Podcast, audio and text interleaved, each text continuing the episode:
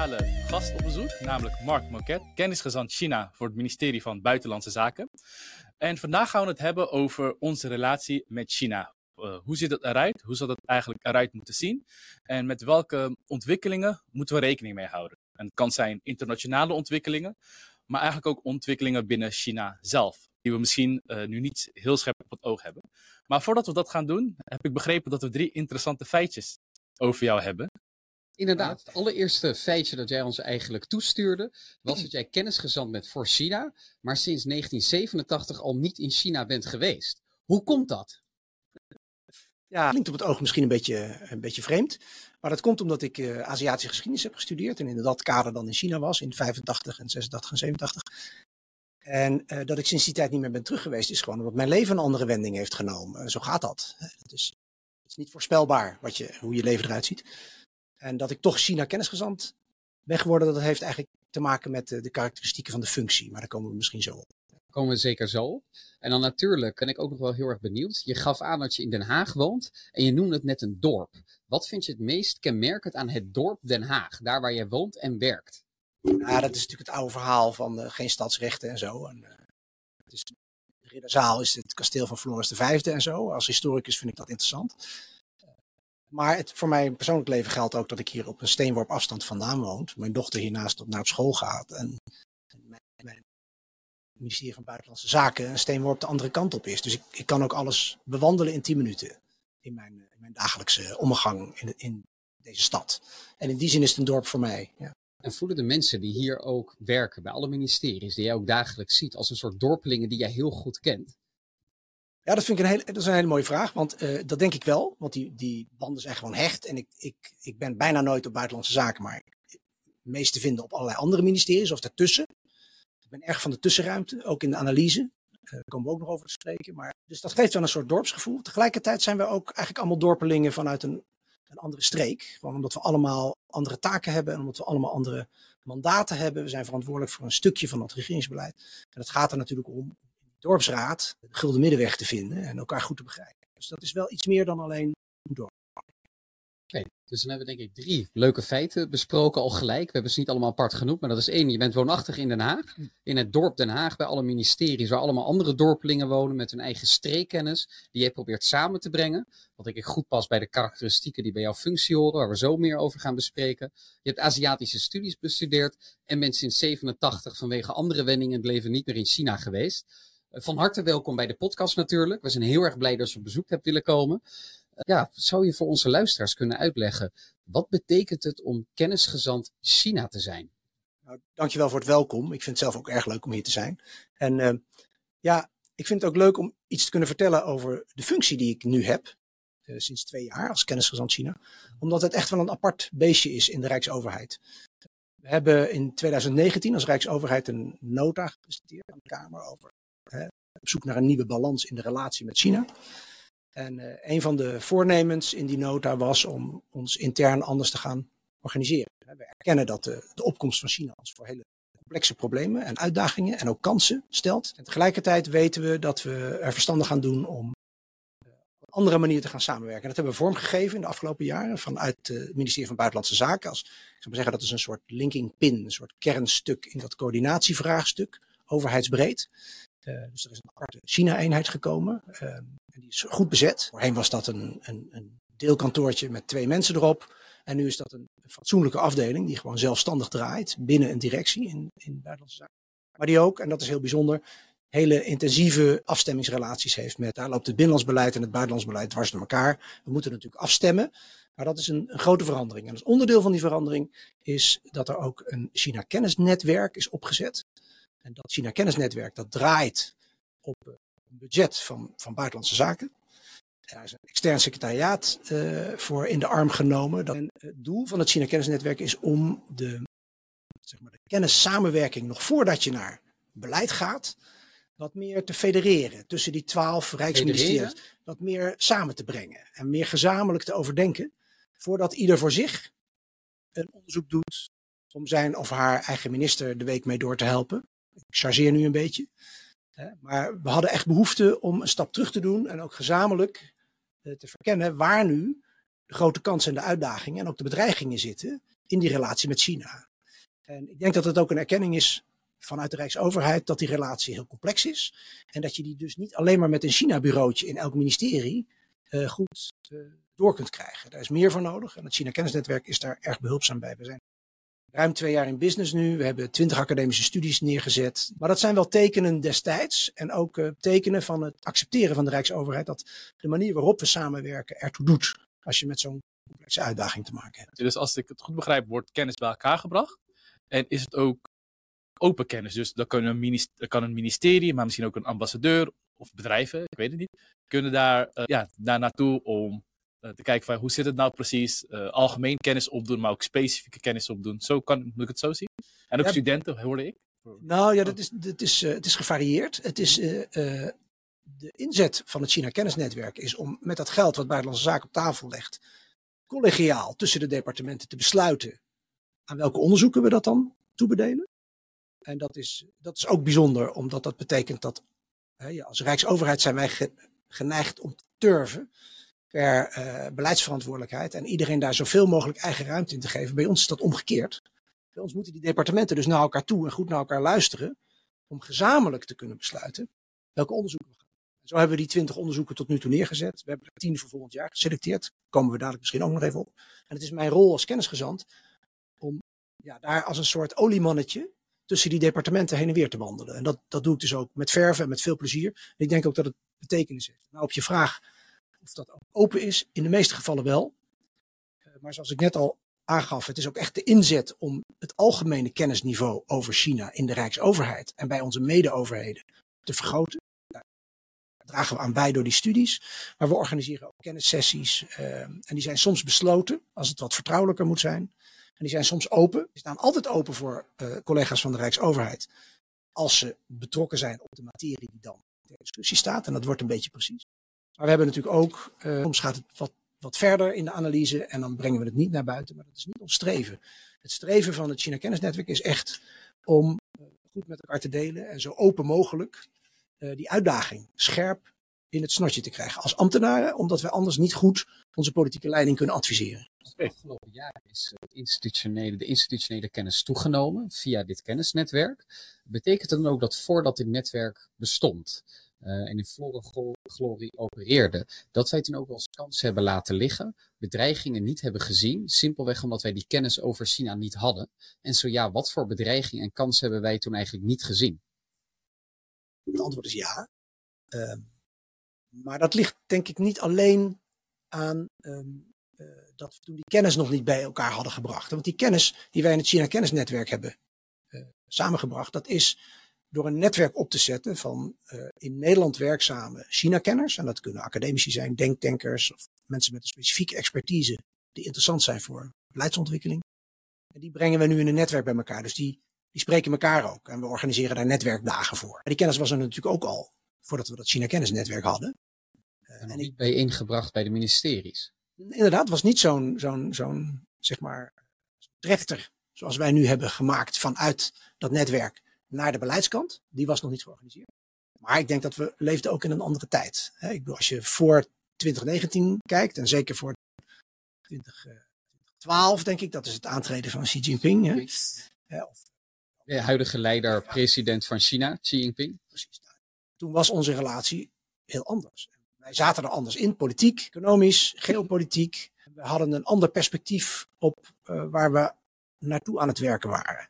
En dat perspectief is gewoon bijgesteld in de afgelopen jaren. En dat is natuurlijk niet alleen een kennisvraag, maar dat is dan iets fundamenteels. Dat is een bewustzijnsvraag. Zijn we ons bewust van de ruimte die wij nog kunnen hebben in onze samenwerking met China? Zijn we ons daar bewust van?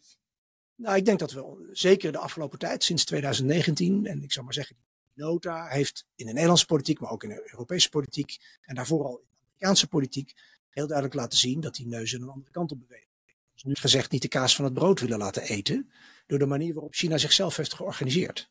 En uh, tegelijkertijd brengt dat een nieuwe vraag met zich mee, want we hebben wat beter door wat de risico's zijn van het samenwerken zoals we hebben samengewerkt met China. Tegelijkertijd ontslaat dat ons niet van de verantwoordelijkheid om te blijven samenwerken met China, hoe moeilijk dat ook soms kan zijn. Omdat we zonder die samenwerking een aantal uh, problemen waar we, hè, die we echt delen met China en de Verenigde Staten en Afrika en, Europa breed en ook Nederland voor onze eigen huishoudens van belang zijn. Omdat we daar dan niet aan kunnen werken. Die zijn er ook. En dat, dat schuurt nu. Hè. Je ziet echt een geopolitiek veiligheidsperspectief. Better safe than sorry. En dat is in de laatste jaren zeer sterk naar voren gekomen. En daartegenover staat een, een perspectief van nee, we moeten ook samenwerken. We hebben een energietransitie die moeten we doen. Klimaatuitdaging. We hebben een ecologische crisis waar we met z'n allen in zitten. En die moeten we ook niet vergeten. Ik denk dat dat een soort basis spanningsverhouding is tussen veiligheid en afschermen en ja, ecologie, samenwerken.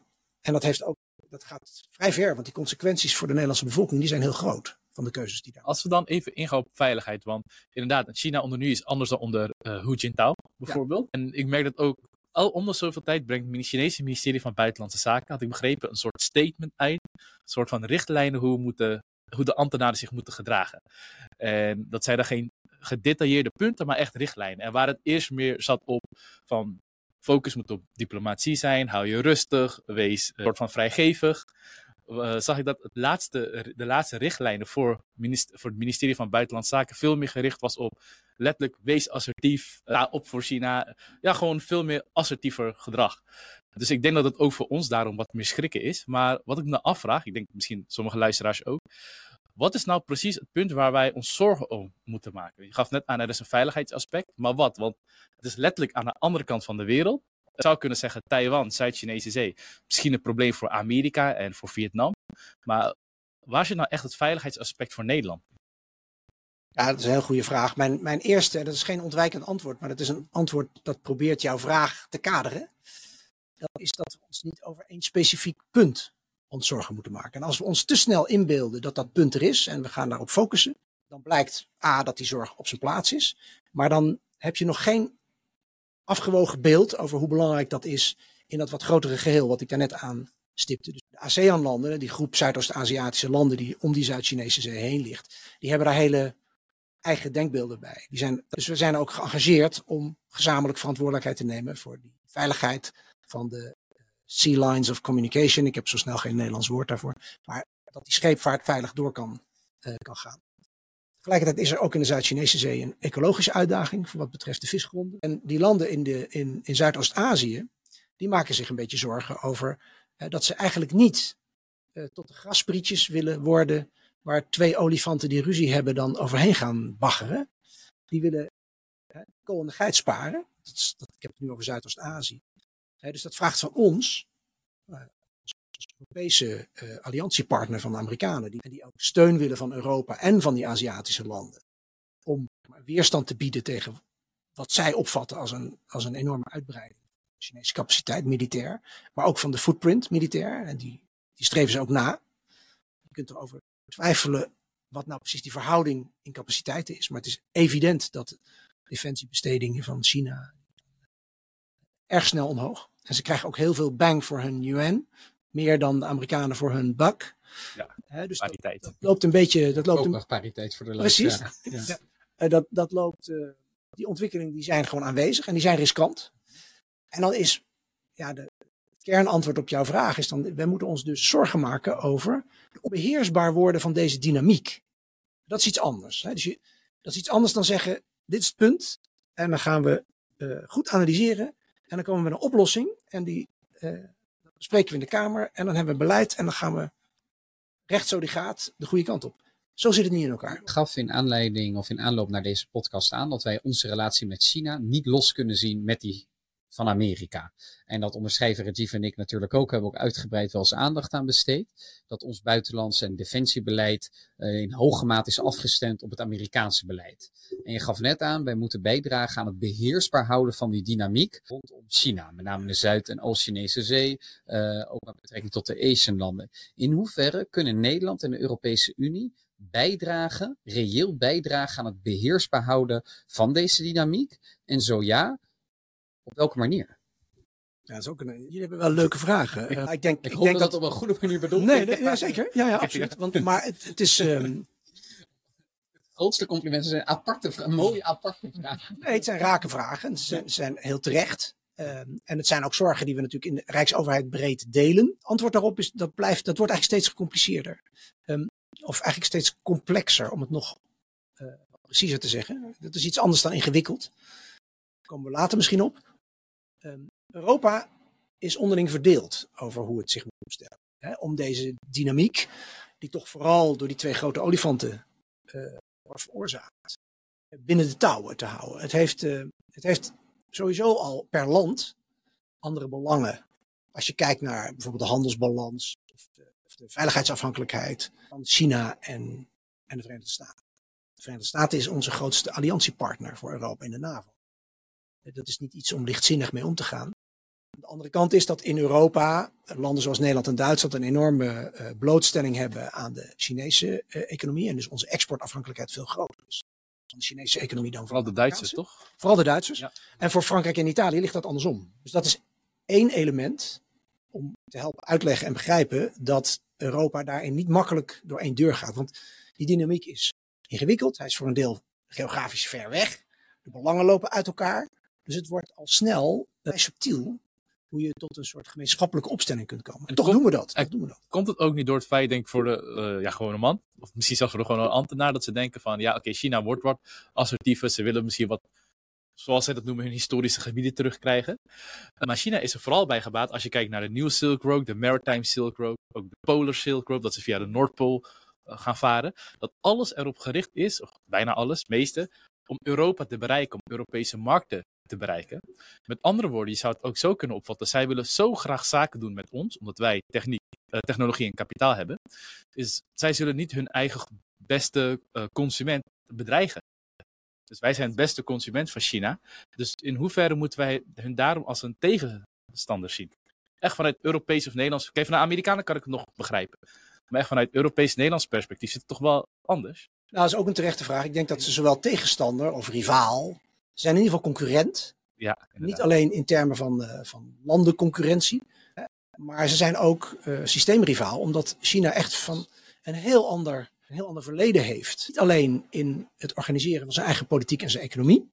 Hè, de Chinese Communistische Partij, we kennen allemaal die geschiedenis, uh, die van China toch een beetje apart is, maar ook een aparte ervaring heeft in hun relatie met, laat ik dan maar even zeggen, het Westen en de International Rules-Based Order. Ik denk dat daar gevoeligheden liggen. En dat het, ook heel moeilijk is voor onszelf om niet alleen te erkennen dat China een systeemrivaal is, omdat het zijn economie anders organiseert. Weet je, het heeft. Sommige economen in vertrouwelijke discussies van dromen, dat is dat wij vijfjarenplannen gaan maken in het Westen. Want dan kun je tenminste long-term effects bekijken. Je kunt die industriepolitiek van bovenaf lekker inrichten. En al hebben we dat met regeerakkoorden soort van, toch? Nou ja, we hebben nu natuurlijk economische veiligheid als een, ja. soort, als een soort speerpunt in het, niet zozeer China-specifieke, maar het generieke economische veiligheidsbeleid van, van Europa. Echt onze eigen broek moeten ophouden en dus ook industriepolitiek moeten gaan bedrijven waar we nooit, wat we altijd hebben afgewezen. We wilden nooit de winners backen. We wilden uh, zorgen dat die internationale markten open bleven. En dat is voor Europa een kardinaal belang. Maar het andere is, um, China komt ook in zijn huidige beleid voort, niet alleen uit zijn eigen ideologie, zijn eigen politiek, maar ook uit de reactie de ervaring die ze met ons hebben. En dan kun je heel lang teruggaan. Dan kun je, ja. hè, dan kun je zeggen van nou, we hebben de eeuw van vernedering gehad. Het wordt een beetje lastig om het allemaal uit te pakken in zo'n gesprek. Maar hè, ze, ze, ze zijn... voor ook de podcast met Casper Wits. Toen hebben we hier uitgebreid bij stilgestaan. Okay. Het is nummer 38. Okay, nou, maar even om kort te gaan. De Britten hebben daar gewoon opium zitten schuiven. En om het zilver uit de economie te trekken. En de Chinezen zijn daar niet beter van geworden in de 19e eeuw. Dus een korte, korte beschrijving van wat er is gebeurd. Dus dat is een eerste ervaringspunt. Maar er is een tweede ervaringspunt wat ik ook, uh, waarvan ik merk dat wij dat snel geneigd zijn te vergeten. Dat is dat toen uh, de Sovjet-Unie viel, China ook heel goed heeft opgelet wat het verschil was in de benadering vanuit de Amerikanen en de Europeanen. En ook onze internationale financiële instituties. Voor een land als Polen, hè, dat goed geholpen is en overeind is getrokken. En een land als de voormalige Sovjet-Unie, waar ander beleid op is gevoerd.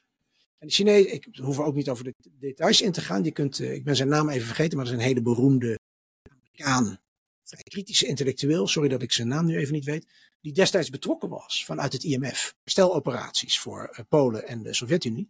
En die daar heel aardig over kan vertellen. Over hoe dat op een gegeven moment spaak loopt. Omdat ergens in de Verenigde Staten op een gegeven moment iemand op een knop drukt en zegt: we gaan niet dezelfde receptuur voor het oosten en het midden van Europa toepassen op de voormalige Sovjet-Unie. Die krijgen een andere behandeling. Dat hebben ze ook gekregen.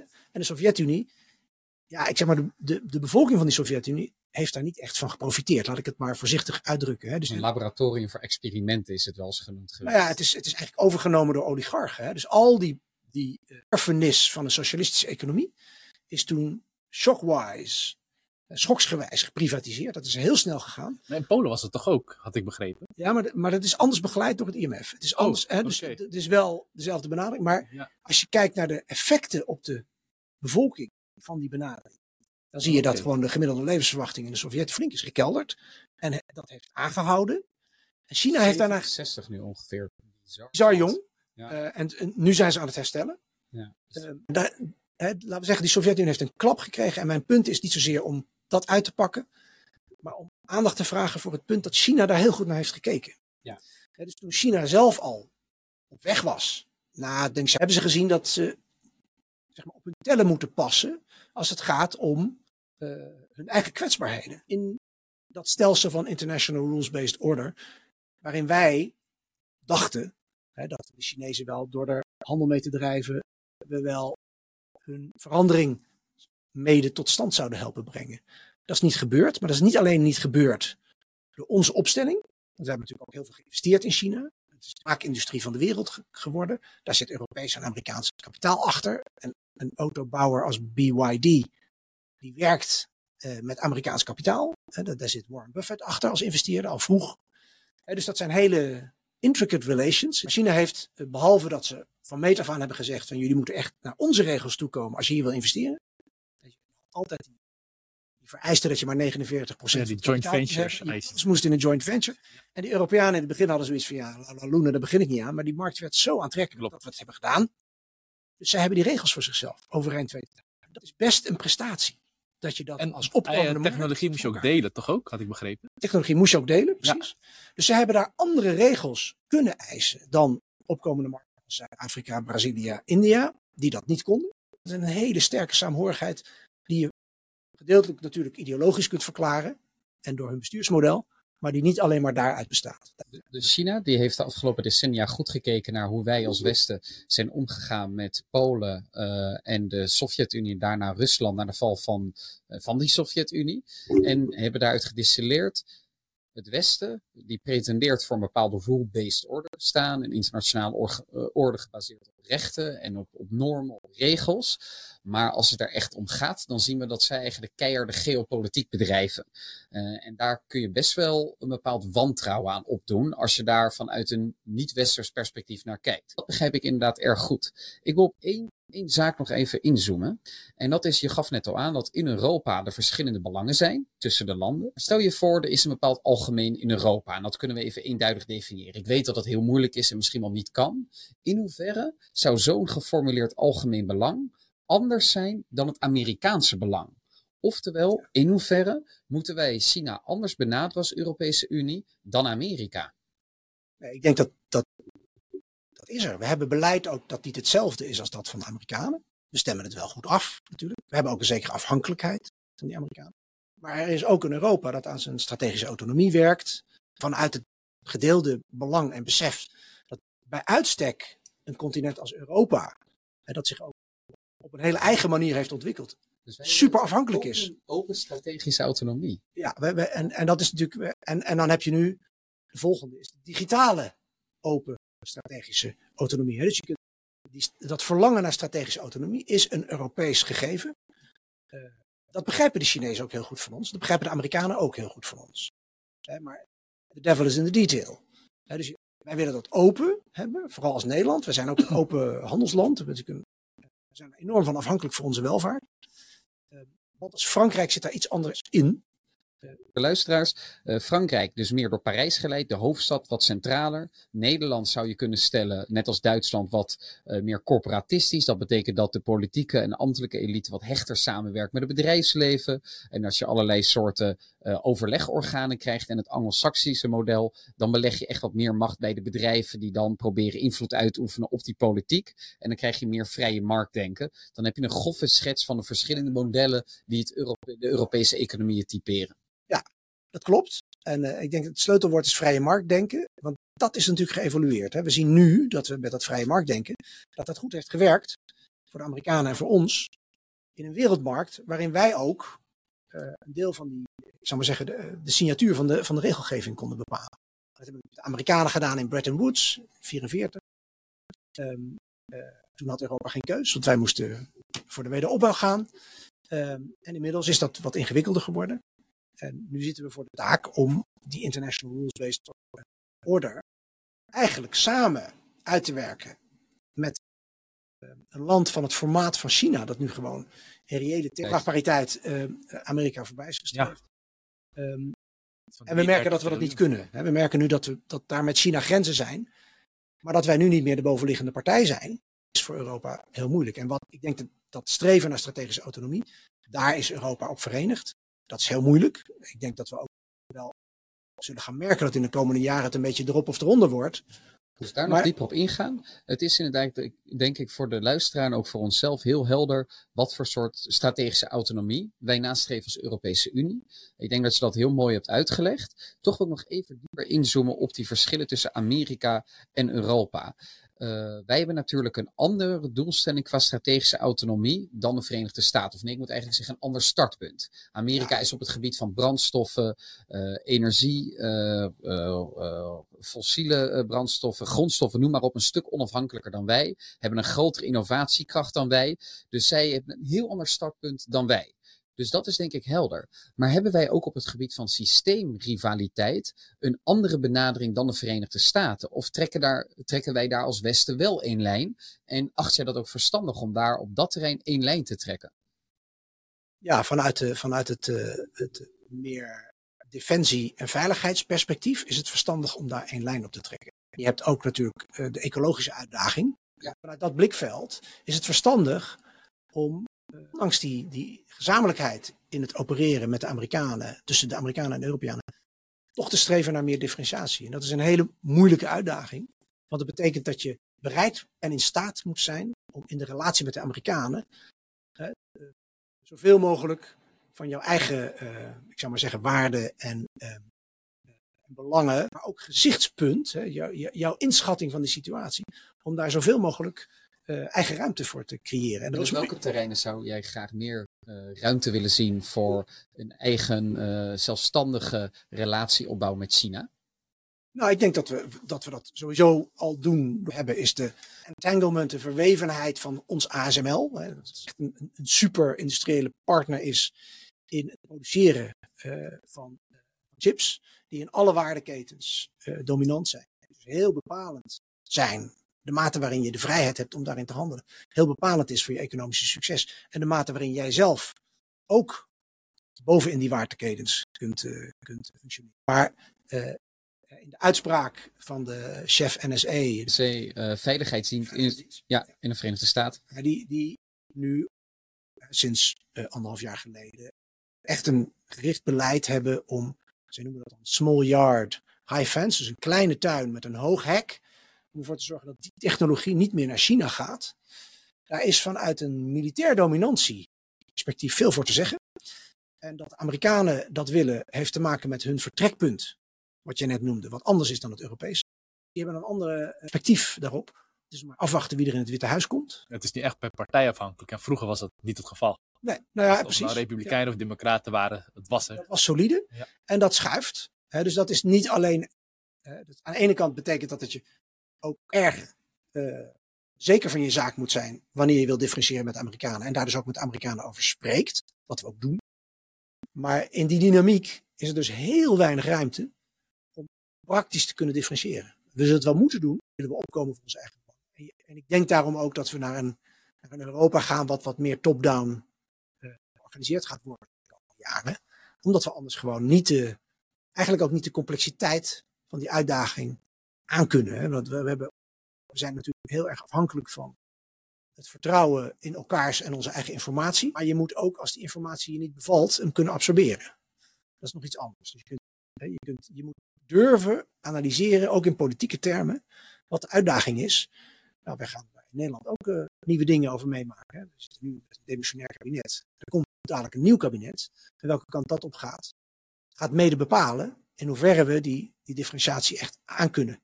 En dat is voor Nederland van belang. ons concreter maken. Uh, dus wij moeten proberen op praktisch niveau te differentiëren. Simpelweg omdat wij andere belangen hebben dan de Amerikanen. En af en toe geven de Amerikanen, vul ik dan maar even in ons, net wat te weinig, net wat te weinig ruimte om op te komen voor onze belangen. Uh, welke belangen zijn dat waar wij dan niet ten volle voor kunnen opkomen? Gaat het dan in, onder meer om de handelsmogelijkheden voor ons grote ASML? Uh, en hoe verwacht jij dat wij toch nog in de toekomst recht kunnen doen aan die complexiteit van die relatie? En dan misschien ook dieper ingaan op die definitie van complexiteit. Wat betekent dat precies voor jou? Ja, ik denk dat we, we zijn natuurlijk, uh, we zitten allemaal in hetzelfde schuitje. China, de Verenigde Staten, Europa en de rest van de wereld. Uh, op dat ecologische domein. We zitten niet allemaal in hetzelfde schuitje als je geopolitiek of geoeconomisch kijkt. En dat heeft te maken met hoe je naar je uitdagingen kijkt. En hoe je ook opvat dat jij zelf deel uitmaakt van die uitdaging. Dus we, zijn, we hebben de Amerikanen nodig. Niet alleen om uh, uh, die als garantor van die rules-based order, waar we zelf van afhankelijk zijn, over onze handelsrelaties. Uh, maar we hebben ze ook nodig als een tolerante partner die ons onze ruimte gunt, waar dat voor hen misschien veiligheidstechnisch een uitdaging is. Ze dat voldoende? Krijg nou, voldoende ruimte? Ik zit niet in de, in de gesprekken direct met de Amerikanen over ASML. En ik, Tuurlijk, maar als je het op een afstandje mag inschatten, heb jij dan het idee dat Nederland en de Europese Unie voldoende ruimte krijgen om voor onze eigen belangen op te komen? In ja. die relatie met China bedoel ik dan natuurlijk. Ja, ik denk dat die ruimte er wel is. Het, het is, het is denk ik ook niet zozeer uh, een kwestie van wat de Amerikanen ons gunnen, dat is ook wel zo. Maar het is ook hoe Europa zichzelf opstelt om voor die ruimte op te komen. Dat is echt van belang. En ik denk dat uh, een van de, van, de, van de problemen met, met ASML is natuurlijk ook dat dat zo geconcentreerd in Nederland ligt. De Verenigde Staten zelf. Uh, dus dat is een, een hechte verhouding op een kernpunt. Het is ook evident hoe de verhoudingen liggen in, uh, tussen die vier landen. En dat is ook niet een kritiek op de Amerikanen.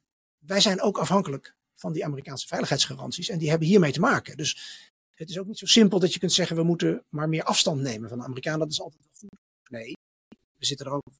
We gaan niet voor niets samen uh, als een junior partner uh, met onze uh, marine naar de Zuid-Chinese Zee. Dat doen we ook uit oogpunt van die internationale militaire solidariteit. En samenwerking die nodig is om te proberen China in de touwen te houden en dus ook de relatie China en de Verenigde Staten beheersbaar te houden. Dus dat is, het is niet zo simpel door te zeggen, we gaan alleen maar differentiëren. Dus als je daar concreet op wil zijn, dan is, heeft dat denk ik heel veel te maken met opkomen voor je eigen defensie. Dus ook als Europa laten zien dat je dat serieus neemt.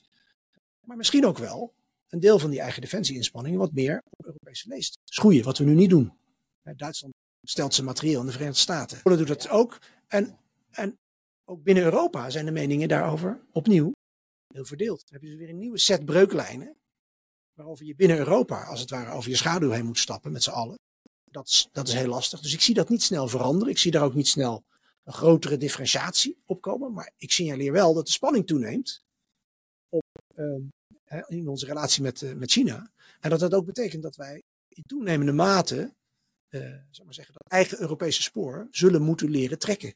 Op, zonder die veiligheidsgarantie en de goede transatlantische relaties daarvoor in de waagschaal te stellen. Dus ik maak het niet erg concreet voor je, dat, dat, dat erken ik. Maar het gaat mij om dit nou, punt. Ik denk dat het wel zich biedt in die complexiteit. Uh, vanuit Europees niveau, of vanuit Europees perspectief, hebben we gewoon landen met heel verschillende belangen. Verschillende startpunten vanuit de economie. Ook vanuit het veiligheidsdenken. In de NAVO hebben wij natuurlijk ook wel eens besproken dat je meer continentaal-Europees denken hebt. En ook weer continentaal West-Europees, continentaal Oost-Europees. Dan ook nog geen uh, Anglo-Saxisch denken over veiligheid. Hebben we andere startpunten ten aanzien van de economie en vanuit de defensie. Uh, dus zo zie je dat het die relatie met de Verenigde Staten en ook China heel erg complex maakt. En om toch nog het nog complexer te maken, omdat ik weet dat jij daar ook wel behoorlijk wat van weet, wil ik graag inzoomen op China zelf. En daar misschien even recht doen aan het regimebelang versus het landsbelang. Dat je in China toch denk ik duidelijk terugziet dat daar wel eens in mijn ogen steeds meer licht tussen gaat zitten. Xi Jinping die vooral probeert zijn eigen systeem te handhaven. Die probeert altijd, denk ik tenminste, schat ik zo in van een afstand, het landsbelang te behartigen. En dan het tweede, onder- en bovenstromen. Want ik denk dat één ding wel heel interessant zou kunnen zijn om die samenwerking wat meer lucht te geven, is misschien hoop op een andere bovenstroom in China. Of dat nu vertolkt wordt door Xi Jinping en de zijnen, Of een Of- ander partijlid. of een andere partijlid in de toekomst wellicht. Maar in hoeverre zit er in die onderstroom van China eh, iets van een minder assertieve en positievere houding naar het Westen toe, naar Nederland toe, naar Europa toe? Ja, dat is een hele mooie, mooie vraag. Ik denk eh, eerst maar even een reality check op hoe China zich politiek nu ontwikkelt. En dan heb ik het over de bovenstroom, wat we ervan zien. En dat schept mij niet bijzonder hoopvol of, of vrolijk. Nee. Eh, ik als je nu gewoon de laatste, de mediaberichten van de laatste tijd is, is hè, wij krabben ons ook opgepakt. Precies. We, we, krabben ons achter, achter de oren over waar de, de minister van Defensie en de minister van Buitenlandse Zaken zijn gebleven. Die uit, uit zijn gezet. Oh ja, die zijn We zien, we zien echt. Waar zit een blijk van trouwens, als ik toch daarop op mag inhaken? Afgelopen week voor de luisteraars zijn er verschillende hoogwaardigheidsbekleders in China opgepakt, niet meer op televisie te zien, niet in de pers te zien en dat is vreemd. Dat betekent dat er iets aan de hand is. Dat zul je niet in vrije media kunnen lezen, want die zijn er niet. Als je een inschatting mag geven, heb je het idee dat de leiding Xi Jinping onder druk staat? Of misschien als ik nog een gewaagdere vraag mag stellen, en als je daar geen antwoord op me wil geven, begrijp ik dat goed. Zie je een bepaalde paranoïde houding terug aan de top eh, in China? Ja, kijk, we- vroeger waren we gewoon, daar heb ik het over de jaren 80 hè, en daarvoor, Kremlin Watchers. Ja. Voor de Ja. praatprogramma's uit te nodigen. Nu hebben we dan Zhongnanhai Watchers, die kijken naar de Chinese Kremlin. Ehm, en eh, dat ben ik niet. Maar ik, ik praat wel eens met mensen. En ik denk dat het heel evident is. Wat, wat we nu zien is een soort eh, verscherping van die tegenstelling die je zelf ook noemt. Hè. Dus aan de ene kant onder druk staan. Om de legitimiteit van die partij, maar ook Xi Jinping's machtspositie in die partij eh, te verstevigen. En die twee kunnen niet uit elkaar getrokken worden. Dat is natuurlijk landsbelang en partijbelang is dan even van een andere orde daar dan hier. Aan de andere kant is natuurlijk dat dat niet betekent dat in die onderstroom er niet verschillende geluiden eh, blijven bestaan. Dus er is altijd een soort repertoire in die, in die Chinese samenleving, want het kan ook anders. Maar in die bovenstromen, politiek en economisch, daaraan kun je wel aflezen dat de druk toeneemt. En ja, ik, ik zou in mijn eigen woorden, eh, de pers para- parafraserend wel willen zeggen dat je, je ook een soort, soort eh, streven naar nieuwe zuivering eh, zien we nu komen. Nieuwe culturele revolutie misschien wel? Nou, het is geen culturele revolutie, dat is natuurlijk politieke wel, revolutie. maar het is zeker wel een. ehm, eh, ja, ik, ik, ik kan er, ik moet me niet te veel dichterlijke vrijheid permitteren, denk ik hierin, want dat is een heel serieus onderwerp. Ehm, tegelijkertijd is dit ook hoe de Chinese politiek en de Chinese democratie werkt. Dat is een heel ondoorzichtig eh, geheel van eh, non-communicatieve eh, elementen, die ook, waarvan je maar moet raden hoe ze zich tot elkaar verhouden. Dat is natuurlijk radicaal Zijn minder de- overheid. Als, als, van wie zijn dit de laatste je? Van de huidige bovenstroom die heel strak eh, ge, ge- ja, georchestreerd wordt door Xi Jinping? Of van de laatste mensen die nog enige macht hadden en met wie nu wordt afgerekend? Nou, ik denk allebei. Het, het is liever gezegd, Xi Jinping komt er steviger door in het zadel. Ja, denk ik. Ja, dus die, die consolideert zijn machtspositie met deze stappen. En ik denk dat we, we ook zien aan, aan een heleboel eh theebladen lezen uit de, uit de Chinese, van de, van de laatste maanden, uit de Chinese politiek. eh, dat, dat er een beweging is naar het, hè, het wegwerken van tegenstanders. Van de lijn waar Xi Jinping op bouwt. En dat is best wel zorgwekkend. Want dat betekent ook dat eh, zeg maar de marge die er nog was, ook nog in de afgelopen jaren, hè, waarbij je een, een, een premier had, wat meer economische openheid en ook wat meer economisch verstand. Was dat de Li Keqiang? Wie is Li Keqiang, ja. Ja, of Keqiang. Ehm, ja. hè, dat, dat dat subtiele evenwicht, dat dat eigenlijk er niet meer is nu. Het is nog een beetje te vroeg om dat te bepalen. Je ziet het ook eh, bij eh, de monetaire en financiële autoriteiten. Daar is een, hele generatie weg die in het verleden nog die openheid van China heeft begeleid. Eh, en wat we ervoor terugkrijgen, dat moeten we nog maar afwachten. Hoe dat in de praktijk gaat uit, uitwerken. Dus, Als je naar peurtjes kijkt van de politieke top eh, in de afgelopen decennia of afgelopen honderden jaren, gewoon in de hele geschiedenis, dan wordt inderdaad vaak gezegd, de leider consolideert zijn macht. En dat is vaak ook gewoon helemaal de waarheid. Maar vaak is het ook zo dat het de laatste pogingen zijn van een leider om stevig in het zadel te blijven zitten. En dat achteraf bleek dat het zadel al lang los zat. En dat hij dat eigenlijk heeft geprobeerd te camoufleren. Zou daar misschien sprake van zijn of is dat uh, wensdenken mijnerzijds? Nee, ik denk dat, ik denk dat dat altijd en-en is. Maar dat, dat is ook, hè, dus aan de ene kant is het de greep van Xi Jinping en, en de partij tot zelflegitimatie. En te proberen uh, de upper hand te houden, ook in het, in het, politieke spel, om het kunnen beheersen van, van het land en, en, en de bevolking achter zich houden. En aan de andere kant is het precies wat je zelf aangeeft, um, ook een soort stuiptrekking. Want het was niet nodig geweest als die evidentie groter was geweest, dat het een legitieme macht vormt. En die evidentie die is nu aan het zakken. En dat heeft heel erg te maken, jij wilde er ook al naartoe, met hoe het nu met China economisch gaat. En, en dat is niet alleen maar goed. Hè. Het zit in een demografisch tekort, dat, dat, dat, dat vlakt af. En, ze zitten over de curve, ze gaan naar beneden.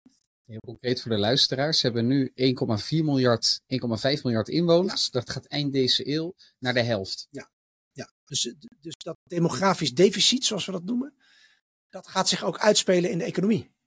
En er is een tweede grote challenge die daarbij komt. Dat is, ja, wij noemen dat de skills gap. Sorry voor al dat Engels, hè, maar ik ben zo'n technocraat dat ik dat, dat niet allemaal even opgezet elitaire bureaucraat. Ja, absoluut. absoluut. Die vanuit de Ivoren over Nederland regeert.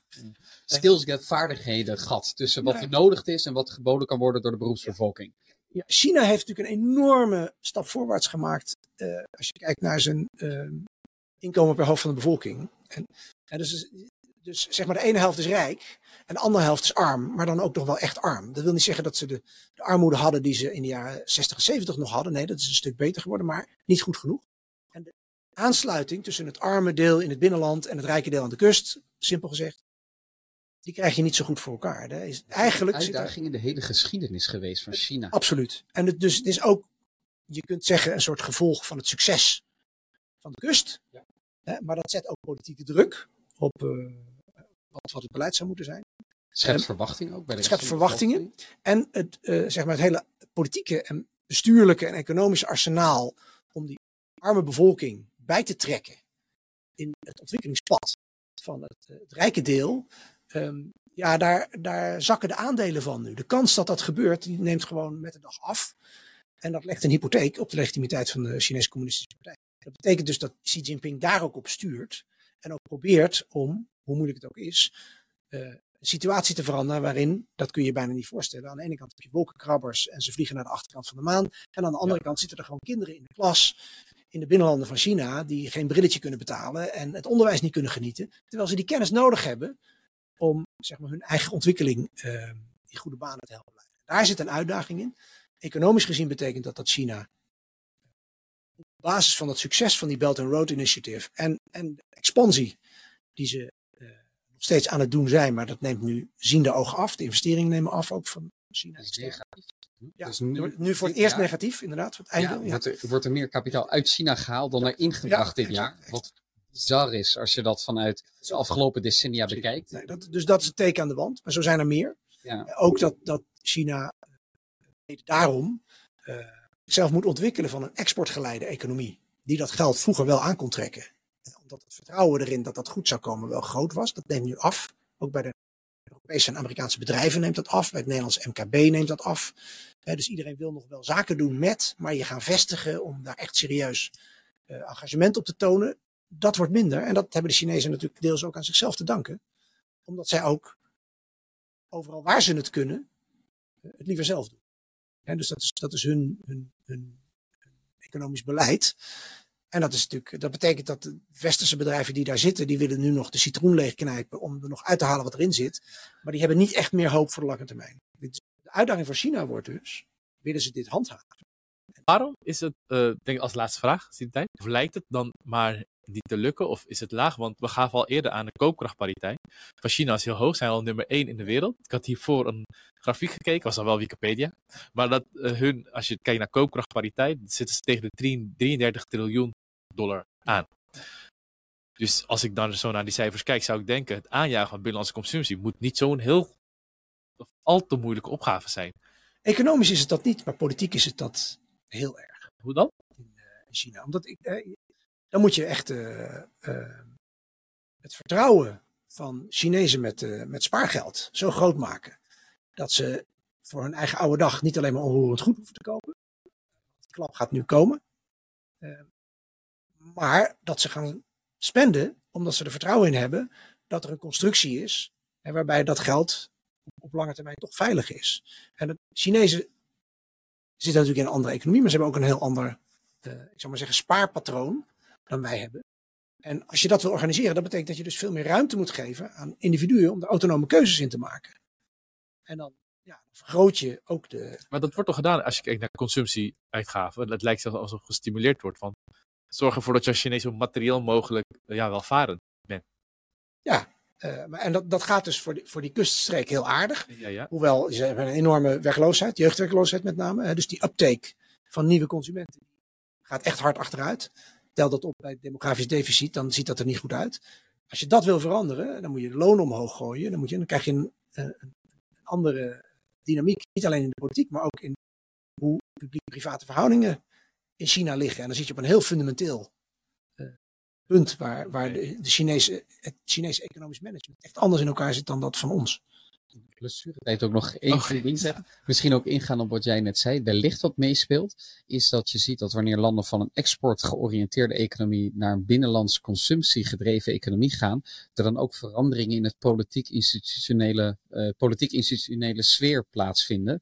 Wellicht democratisering. Dus wellicht dat die angst ook heerst. Dat is dan waar ik zelf onderzoek naar doe.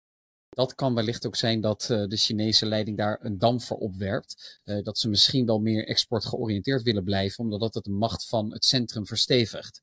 Dus wellicht dat ze daarom niet vol inzetten op die binnenlandse consumptie. Dan nog toch één laatste vraag. Een soort voorspelling om toch ook een gevoel van hoop nog ergens te kweken. Xi Jinping zit in een precaire situatie.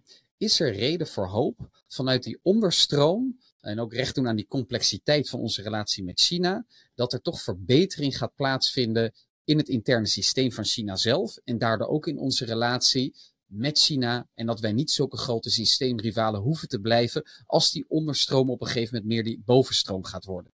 Is dat een naïeve gedachte of is er reden tot hoop? Nee, ik denk dat dat helemaal geen naïeve gedachte is. Ik, heb, ik koester die hoop zelf ook echt. Chinese Gorbachev is. Nou, dat, dat komt niet meer op de poppetjes neer. Maar ik denk dat wat daar heel belangrijk in, in is, en dat, dat heeft ook te maken met uh, complexiteit, wat je noemde. Dat is dat we dan onszelf ook wel uh, achter de oren krabben, tijdig, over wat wij kunnen doen. Niet alleen om zeg maar, die balans tussen samenwerken en rivaliseren, hè, of tussen competitie en, en samenwerken in, in stand te houden, maar echt anders vorm gaan geven. En daarin kritisch naar onszelf durven te kijken is ook zo dat China heeft, zoals ik in het begin van het gesprek aangaf, gereageerd. Heeft zijn eigen visie op hoe zij het beste kunnen integreren in de wereldeconomie. Daar kun je van alles van vinden. Tegelijkertijd, als je allebei erkent, en ik denk dat we dat ook doen, we zijn er alleen niet zo goed in. Ook China niet, maar wij ook niet altijd. Dat je gezamenlijke uitdagingen hebt, waarvoor samenwerking de enige optie is.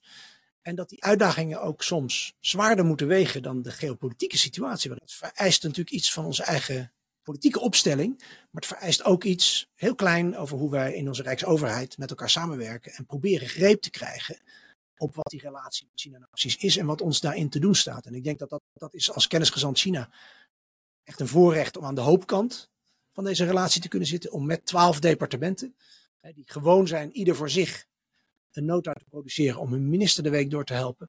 Toch gezamenlijk een stuk die complexiteit te kunnen benaderen. Maar daarin is niet één ministerie of één minister leidend. Daar hebben we gewoon institutionele kennis, zou Casper Wits het noemen. Precies. Die ook aangaf, daar was een groot tekort aan, net als Alexandra von der Leyen. Dus daarvoor zie jij eigenlijk in. Daar, nou, daarvoor zie ik niet in. Daar, daar is de Rijksoverheid mee bezig. Daar is denk ik dat China Kennisnetwerk een heel mooi kasplantje, een teer, maar, maar mooi kasplantje in wat we tot wasdom moeten laten komen. Omdat de uitdaging nu eenmaal complex is. En omdat we die niet kunnen oplossen door net te doen alsof we hem klein kunnen maken door hem te economiseren, te securiseren. Sterker nog, ik denk dat jullie als, ik weet niet hoeveel kenniscentra's er zijn, maar als voorbeeld dienen voor andere kenniscentra's. Misschien een kenniscentrum India of Zuid-Amerika. Ik weet niet of ze bestaan. Of, uh... Staan zeker niet. China Kennisnetwerk is het enige. Maar het is evident dat in onze relatie met India speelt natuurlijk hetzelfde. Ja, in onze relatie met de Verenigde Staten trouwens ook. Had ik gelijk uh, Rajiv Lakshmi Prasad aan bij ja, om deel te nemen aan het kennisnetwerk. Want ik ken niemand eigenlijk die meer kennis heeft van India dan jij, oh, Rajiv. Nee, maar ik denk dat het jullie als, uh, ik denk als voorbeeld zullen, uh, blauwpunt zullen zijn voor toekomstige mogelijke kenniscentra. Denk ik ook. Ik, denk, ik, ik heb wel eens in het verleden bij andere gelegenheden de vergelijking getrokken van het is niet leuk om het over jezelf te hebben in deze, op deze manier. Maar we hebben natuurlijk een, een, een Groningen-affaire gehad. We hebben een, een toeslagenaffaire gehad. Uh, en als dat iets onderstreept, dan is dat ook wel uh, uh, ja, toegenomen bewustzijn bij de Rijksoverheid. Dat we op de manieren waarop we proberen complexe problemen technisch op te lossen. Hè, met een oplossing om een quick fix te maken. En een nieuwe patch in een stukje software. Ik, ik, ik chargeer nu een beetje. Dat dat niet werkt. En dat werkt dus ook niet op het geopolitieke niveau. En dat is denk ik het fundament van het belang van zo'n China-kennisnetwerk. En het hebben van een functionaris als China-kennisgezant, als oliemannetje. En om te proberen die gezamenlijke uh, beeldvorming op die complexiteit van die relatie met China uh, concreet te maken. En ik denk dat er geen ander alternatief is. Het is echt iets aanvullends op hoe we natuurlijk ook allemaal verticaal integrerende beestjes zijn. Want uiteindelijk moet er een nota naar een minister. Maar we moeten die horizontaliteit, daar moeten we meer verantwoordelijkheid voor nemen. En ik denk dat het zeker is een van, van de mechanismen waarmee we dat proberen vorm te geven. Zeer is kritiek naar bestuurskunde, want wij leiden natuurlijk de beleidsmakers op die ons uh, openbaar bestuur bemensen en bevolken. Uh, en één ding hebben wij ons natuurlijk ook vaak tegengekeerd, ook in de lessen en de colleges die wij geven, Rajiv, en dat is eendimensionalisering. En je ziet eigenlijk terug dat door toedoen van prestatiemetingen we denken dat we de kwaliteit omhoog kunnen brengen en de prijs omlaag. Maar het zorgt er alleen maar voor dat je perverse, kweekt, perverse effecten kweekt in het systeem. En dat geldt voor toeslagenaffaires, voor Groningen rampen uh, en natuurlijk ook in geopolitieke sfeer. Ja, inderdaad. Dat zou denk ik bij het einde gekomen van de podcast. Dank je Mark Marquette voor de hele interessante podcast. We hebben ook zelf veel geleerd. Eh, zaken die ik zelf uh, ja, ook niet eerder wist. Nou, we hebben het gehad over onze relatie met China. Wat er in China allemaal intern aan de hand is. Zijn er mogelijke onderstromen? Hoe reageert de bovenstroom hier natuurlijk op? wat is het verschil tussen onze relatie met China vergeleken met de Verenigde Staten? Hoe moeten we ons ook tot de Verenigde Staten verhouden? ja, en er is natuurlijk nog veel meer wat we nog kunnen bespreken. Misschien andere keren. Dus ik hoop dat jullie ervan hebben genoten. En natuurlijk ook hier afscheid hebben kunnen nemen van jullie ongeïnformeerde zelf.